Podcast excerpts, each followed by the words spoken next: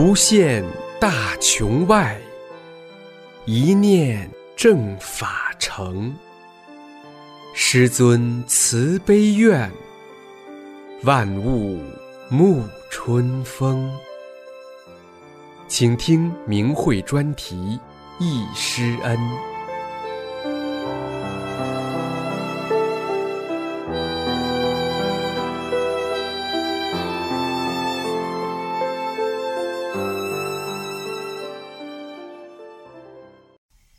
请听明慧忆师恩专题文章，题目是“参加师父成都传法班的珍贵经历”，作者成都大法弟子。文章发表于明慧网，二零零七年十月十五日。我母亲信佛，我自幼也对神佛充满敬仰。丈夫去世后，我就下定决心要修炼。我到处拜庙，到处烧香，也学了很多气功，还到气功研究会办了会员证。一九九四年五月的一天，气功研究会通知我说，法轮功报告会要在成都举办，我立即决定去参加。报告会在八二信箱举行。那天早晨，我一路打听着去八二信箱。见很多背包打伞的外地人也在问去那里的路，他们都是从外地来参加师傅讲法学习班的。有一对重庆来的五十多岁的老夫妇，他们头天就坐火车来了，住在旅馆里。贵阳来了一百多人，是请假来的。他们有的是当天早晨六点过到的，有的是头天晚上下的火车。还有一位从香港来的。巴尔信箱礼堂很大，可容纳三千多人。前面有一个广场，后来在这个广场举办过几次弘法活动。师傅的讲法录像带出来以后，总站还在这里举办了八天学法班，放师傅的讲法录像。进入礼堂，师傅已经到了。我看到师傅非常年轻。师傅讲了两个小时，讲的跟其他气功师都不一样。其他气功师都是吹自己如何高，师傅两个小时讲的都是如何做好人。我深深的被震撼了，明白了做人的道理。师傅还让我们伸出双手感受法轮，我感到手掌上很强的能量在旋转。报告会结束后。才知道师傅还要办八天传法班，我马上报了名。一九九四年五月二十九日，成都传法班在牛王庙的电力局招待所礼堂举办，有一千多人参加。为了照顾很多上班的学员，师傅把讲课时间定在晚上六点半开始，九点钟结束。师傅每次都是很早就到了礼堂。讲法结束后，师傅还要留下耐心解答学员的问题。我看到师傅身穿白衬衣，和蔼可亲，平易近人。师傅从来不讲空话，说一句“现在开始讲课”，就开始给我们讲法。整个讲法过程中，连水都顾不上喝一口。师傅用最浅白的语言给我们讲出了最深奥的法理。法讲得很高，但通俗易懂。我被师傅博大精深的法理吸引，明白了做人的真正目的，人生观、世界观都发生了很大的变化。讲完课，开始教功，由师傅身边的弟子在台上演示动作，师傅在场内巡视，给学员纠正动作，连角落里的学员都不落下。我学进功打手印的时候。师傅走到我身边，亲自给我纠正动作，我顿时感到一股热流通透全身，心里无比幸福温暖。在传法班上，我看到会场里的人，每个人前面有个影子，后面有个影子，头上也有一个光柱一样的影子。人走动的时候，影子也跟着走，只有在会场上有。出来，在其他地方就看不到。开天幕的时候，师傅问哪些人看到了，我也举了手。那时我才知道那些影子是天幕在另外空间看到的景象。有学员希望跟师傅合影，师傅同意了。人很多，我们分成二十几个组，依次跟师傅合影。那天天气很热，师傅面带和蔼的微笑，耐心地和每个组合影。最后一天，第八天，半天解答问题，师傅解答了所有问题，还给学员打了大手印。那天讲完课，很多学员上台围着师傅问问题。我好想上台向师傅核实，向师傅道一声谢，说一声师傅您辛苦了。但是看到师傅那么忙，那么辛苦，又觉得不该再去打扰师傅了。我忍不住泪水一个劲儿的流，远远望着师傅，心里默默感谢着师傅，感谢师傅的慈悲苦度。天天能见到师傅，听师傅讲法。现在想起那段经历，真是太珍贵了，太幸福了。参加学习班听师傅传法教功时，我精神特别好，走路一身轻。从我家骑自行车到学习班要一个多小时，但我非常轻松，一点也不累。确实像师傅讲的，就像有人推你一样。我的心累、心跳也好了，也不失眠了。特别是我头痛病二十多年，什么药单方都没治好，这次也好了。我感到师傅的慈悲太神奇了。当时我们厂子效益很好，大家都在攀比，看谁的首饰好，戴得多。我也是戒指、耳环、手镯、项链戴了很多。当时社会治安状况不好，经常有抢劫的事情发生。我参加学习班，天天骑车走夜路，一点意外都没有发生。后来学法心性提高了，就没带这些东西了。参加学习班前两天，我被狗咬了，医生说要几个月才好得了。参加学习班那几天，眼看着伤口愈合平复了，而且我虚弱的身体也好了起来，真是神奇。得法前，一条一米多长的大蛇钻进我家，我到哪里都能见到他，好像他就在那里等我一样。我很害怕，家人也都很害怕。得法后一天，我学了法，关灯刚躺下，又听到他跑到床前，悉悉嗦嗦的。我拿了一根树棍，一边把他往外赶，一边对他说：“我现在学了大法了。”有师傅保护，我的师傅是李老师，你不能再来干扰我了。转眼他就不见了，我到处找也没有找到。后来他再也没有来干扰我了。得法几个月后，我骑车上班，天下雨，到十字路口时，一辆汽车就把我撞倒在地。当时汽车急刹车，后面一辆汽车跟得很紧。当的一声，撞上前面那辆撞我的车。由于冲力很大，把前面那辆车撞出好几米远。那车的轮胎就重重地从我腿上碾过。司机和旁边拉三轮车的人看到我的腿青一块紫一块的，都说要送我到医院去。有的说快通知家属。我当时只觉得腿是麻木的，有点疼。起来坐了一会儿，说没有事儿。他们觉得很奇怪，明明看到轮胎从腿上压过去的，怎么说没有事儿呢？我说我是练法轮功的，我师傅保护了我。可是那两辆汽车都撞坏了，是交通大队来处理后才拉去修理厂修的。可我没有事。九五年九月，我们全家开车去青城山。下午返回时，汽车突然控制不住，绕一圈儿滑到另一方向的河边，半边轮胎就悬在路外，很危险，只差那一点就掉下去了。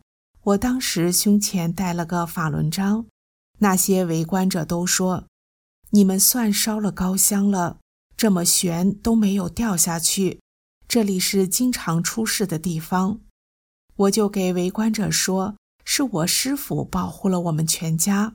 我是修炼法轮功的。”我当时一下车看到这种情况，就核实谢谢师傅。还有一次，我儿子出差，汽车滑到山崖边，很危险，可是也没有事。他说是师傅保护了他，因为当时他车上有一本转法轮。他告诉同事，是我妈给了我一本转法轮，师傅救了我。九九年七二零恶党开始迫害后。邪恶之徒威胁我说：“要工作还是要练功？”我说：“都要。”他们说：“不行，只能选一样。”我说：“我要法轮大法。”他说：“你要想好，要写下来。”我就慎重地写下了。为了身心健康，我选择法轮大法。后来和千千万万大法弟子一样，为了兼修大法，走过了一段艰难的路程。我被非法劳教两年半后，因坚持不放弃信仰，又被关押进洗脑班，遭受了种种残酷的折磨。但即使在最黑暗的日子里，我也能时时感受到师尊的浩荡佛恩，为自己能够成为正法时期大法弟子而感到万分荣幸。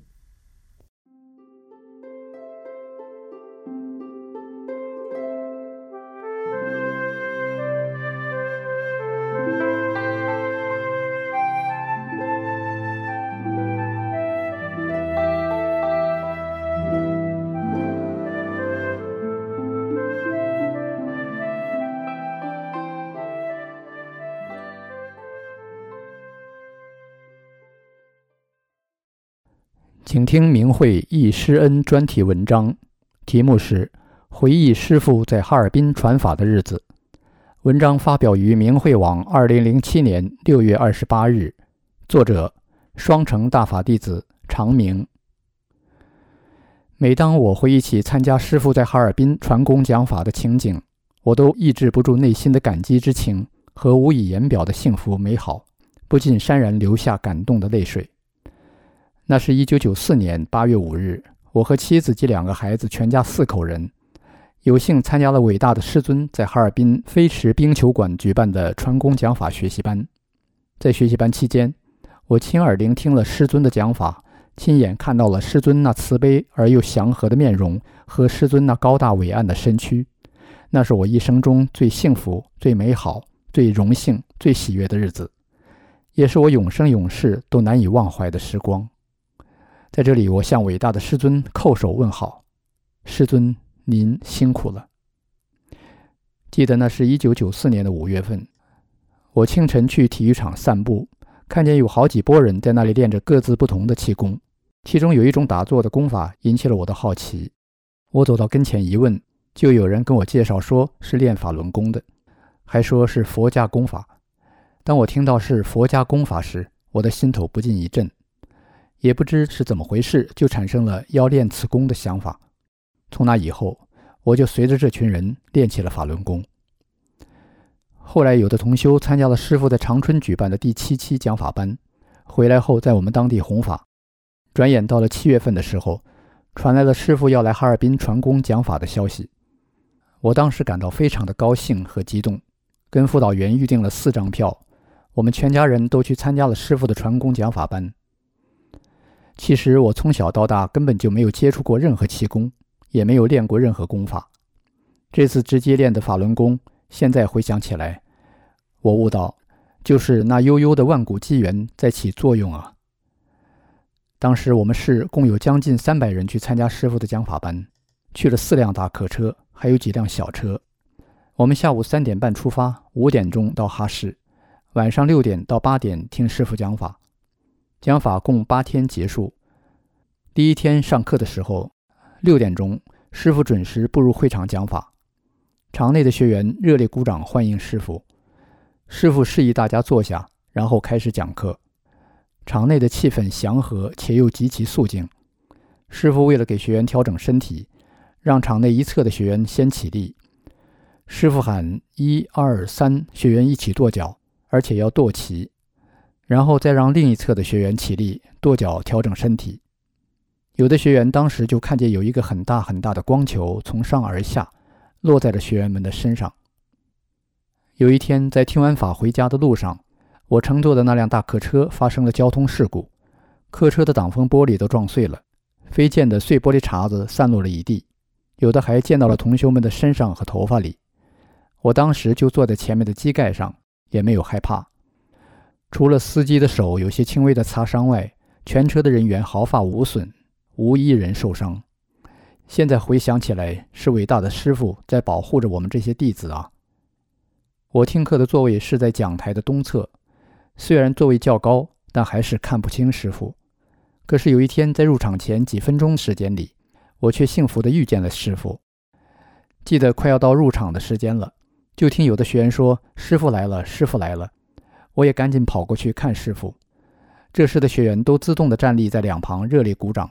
夹道欢迎师傅，师傅边走边说：“大家不要鼓掌，大家不要鼓掌。”我终于清楚而又幸福地看见了师傅。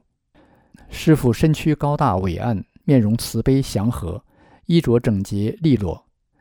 至今，师傅那慈悲祥和的面容还浮现在我的眼前，那谆谆的教导之音还回响在我的耳畔。还记得学习班结束的最后一天。师傅在讲台前亲手将一面法轮旗交给了哈尔滨的辅导员，又将另一面旗亲手交给了我们市的辅导员。又记得师傅绕场一周，而且走得很慢。师傅走到哪里，哪里的学员就起立给师傅鼓掌，掌声经久不息，场面无比壮观，气氛祥和美好。每当回忆起那段幸福而又美好的日子，我就深切地感到自己修得很差劲儿。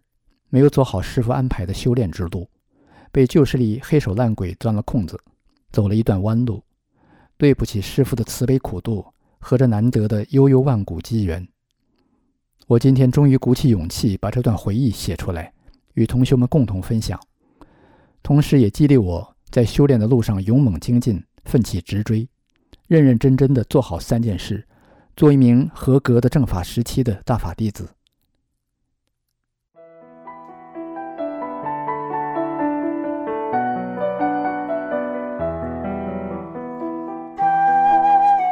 您现在收听的是明慧专题《易师恩》。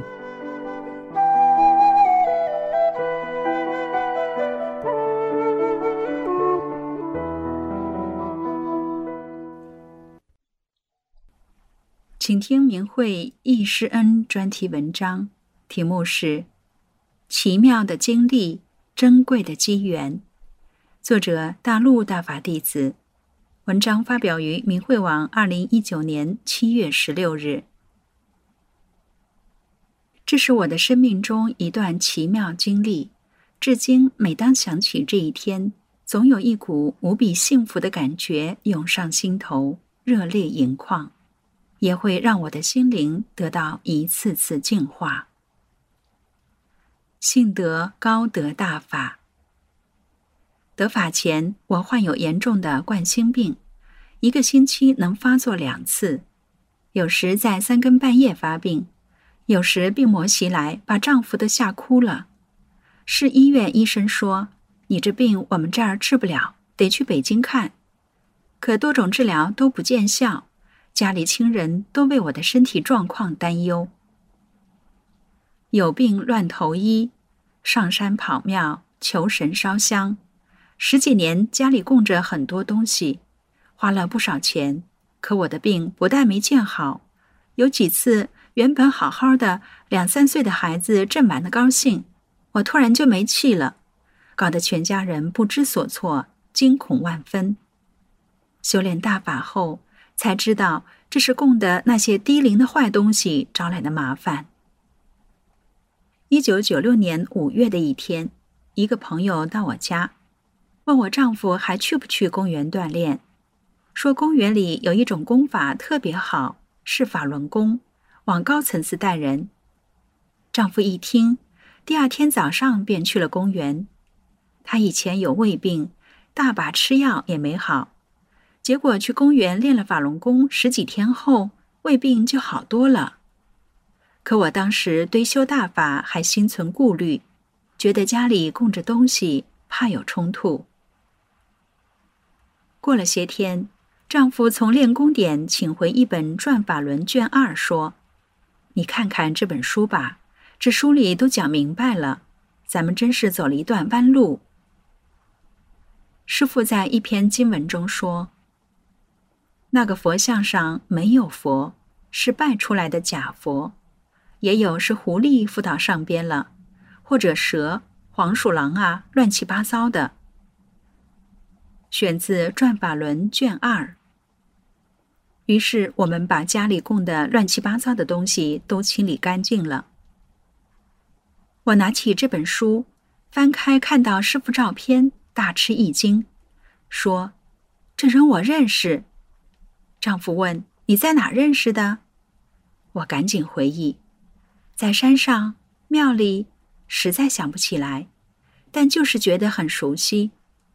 在看书中，法轮图形也在旋转，色彩鲜艳的法轮正转、反转，非常玄妙。得法的机缘到了。一九九六年六月一日，我一心走入大法修炼，练了法轮功没多长时间。折磨我十几年的冠心病、妇科病等顽疾，不知不觉中就好了。真善忍让我的身心充满光明美好，我像换了个人似的，每天精神十足，干什么都不觉得累。家人、亲戚、朋友，认识我的人都感到很神奇。周围很多人从我们身上见证了师傅的威德。大法的超常，也相继走入法轮大法修炼。至今二十三年了，我再也没去过医院，没吃过一片药。不管风雨萧萧，乌云压顶，我都坚定地追随师傅，走在返本归真的路上。幸运地见到师尊。一九九七年九月九日晚上，我做了一个奇特的梦，在我娘家东屋后墙外有一棵大枣树，枣树枝繁叶茂，把房顶快盖满了，树上结满了成熟的红枣，醒来感觉是吉祥之兆。十日下午在学法点学法时，不知为什么那天心里就是特别高兴，打心眼里喜悦兴奋。吃过晚饭，我在屋里床上打坐练静功。那时我女儿在河南省安阳市新大地宾馆上班。十日当晚，她替别人值班。九点多钟，有三位客人来到总台登记住宿。我女儿一眼认出了其中一位是师傅。一名随行的大法弟子问师傅：“您看这女孩怎么样？”师傅笑着说。不错，挺好。女儿惊喜万分，赶紧往家打电话：“师傅来了。”他爸爸说：“是不是师傅？不能随便认师傅啊！你再去客房确认一下，到底是不是师傅。”女儿一会儿便又来电话说：“让服务员去房间问师傅，您是不是李洪志？”师傅回答：“是。”我这时正打坐。见屋里瞬间被红光笼罩着，这可是以前从未见过的殊胜景象，正是佛光普照，幸福从天而降。我心生一念，我相信是师傅，我要马上去见师傅。便问丈夫：“你去不去？”丈夫说：“去。”我们夫妻两人就往新大地宾馆赶，来到宾馆二号楼的二楼。随行工作人员说：“师傅累了，要洗个澡休息。”后来随行人员告诉我们，师傅答应第二天早上八点以前见我们。我俩放心的欢欢喜喜的回家了。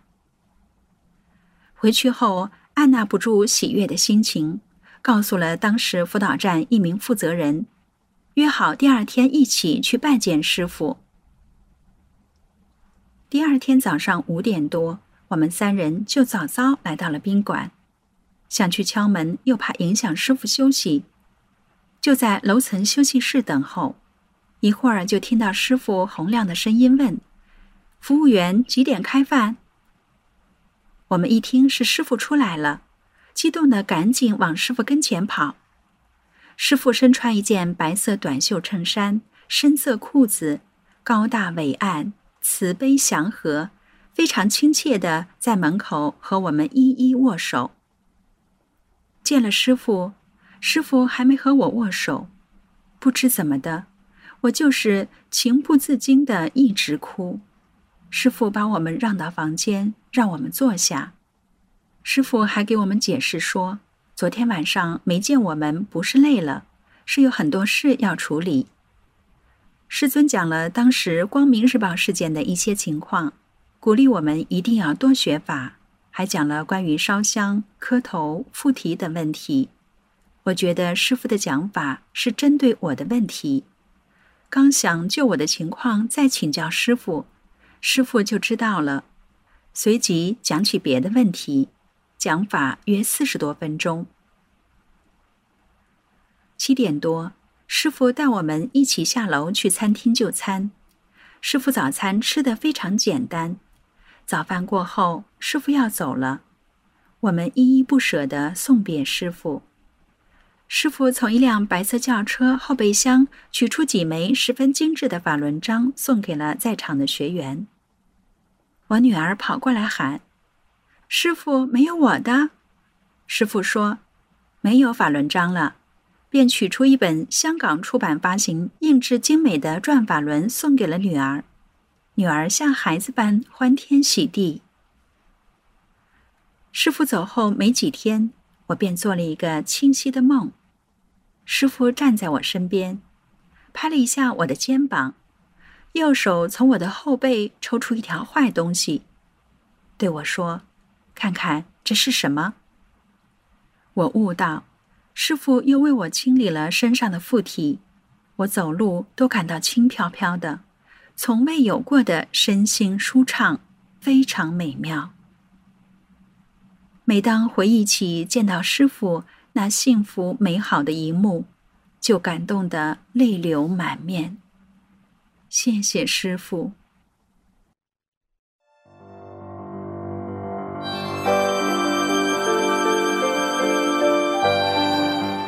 这一期的易师恩就到这里，谢谢收听。